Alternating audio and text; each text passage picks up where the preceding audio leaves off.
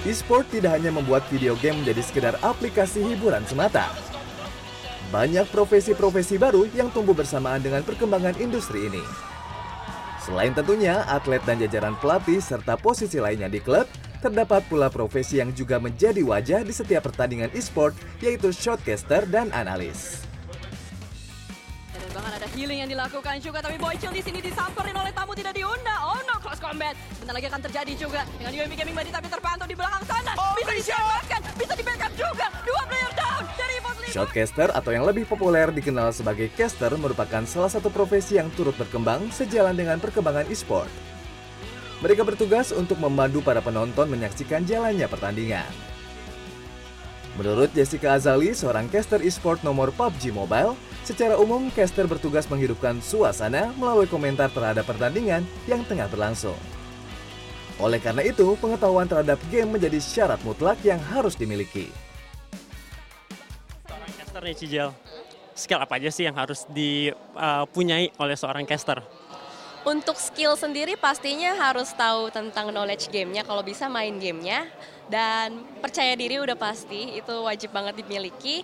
Lalu punya warna atau karakter tersendiri yang bisa bikin penonton atau penikmat dari gamenya itu ingat dengan siapa nih suara dari komentatornya. Dan jadinya setiap mereka nonton pertandingan tersebut, mereka menanti-nanti, wah kira-kira gue bakal dapetin apa nih Layaknya pemandu acara, seorang caster harus memiliki artikulasi yang jelas dan lancar dalam berbicara. langsung melakukan NK bagian depan tapi Mela maju ke arah bagian depan melakukan cross combat nih kali ini cukup sulit nampaknya berusaha untuk dijiggle nice banget Mela down Logan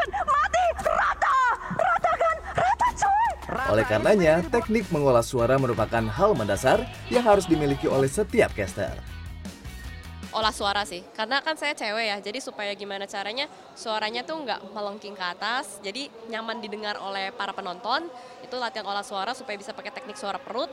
Lalu saya selalu mempelajari meta atau most effective tactics available apa saja updatean-updatean terbaru apa saja yang lagi ngetren saya bawakan ke dalam in game-nya jadi nggak cuman melulu selalu saya ngomongin tentang in game tapi tren luar saya bawa ke dalam in game Rachel Eterna Melati, caster e-sport nomor Mobile Legends menambahkan, selain pengetahuan tentang game yang sedang dipandu, caster pun harus memiliki pengetahuan tentang para pemain yang sedang bertanding. Hal tersebut dapat membantu seorang caster untuk memberikan konteks dalam mengomentari jalannya laga. kamu harus hafalin semua item in game, eh, meta, gameplay harus kalian hafalin. Selain gamenya sendiri, kalian juga harus ngerti playernya. Jadi playernya dulu dari mana, apakah dia baru atau enggak, veteran, suka mainnya apa, dia mut butan enggak orangnya. Hal-hal kayak gitu itu bisa membantu melukis apa yang terjadi dalam gameplay tersebut selain yang teknisnya aja. Selain caster yang bertugas memandu acara dan menghidupkan suasana, terdapat juga peran analis yang berfungsi untuk memaparkan rincian data di setiap pertandingan.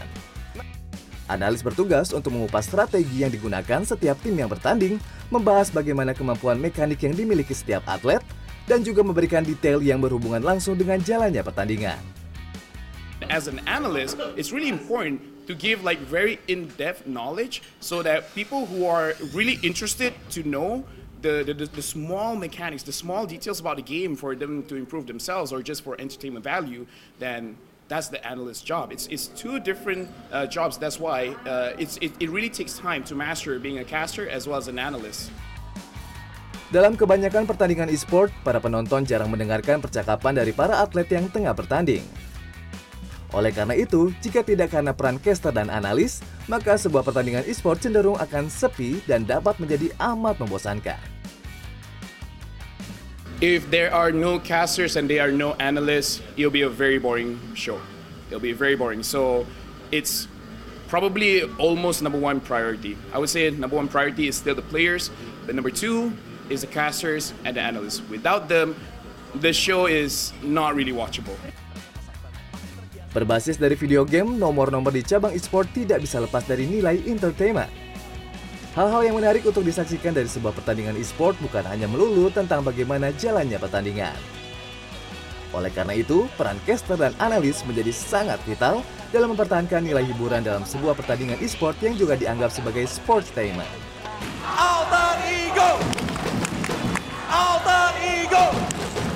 Alright, thank you buat teman-teman semua. Akbar Rizky, Monika Konado, Jakarta.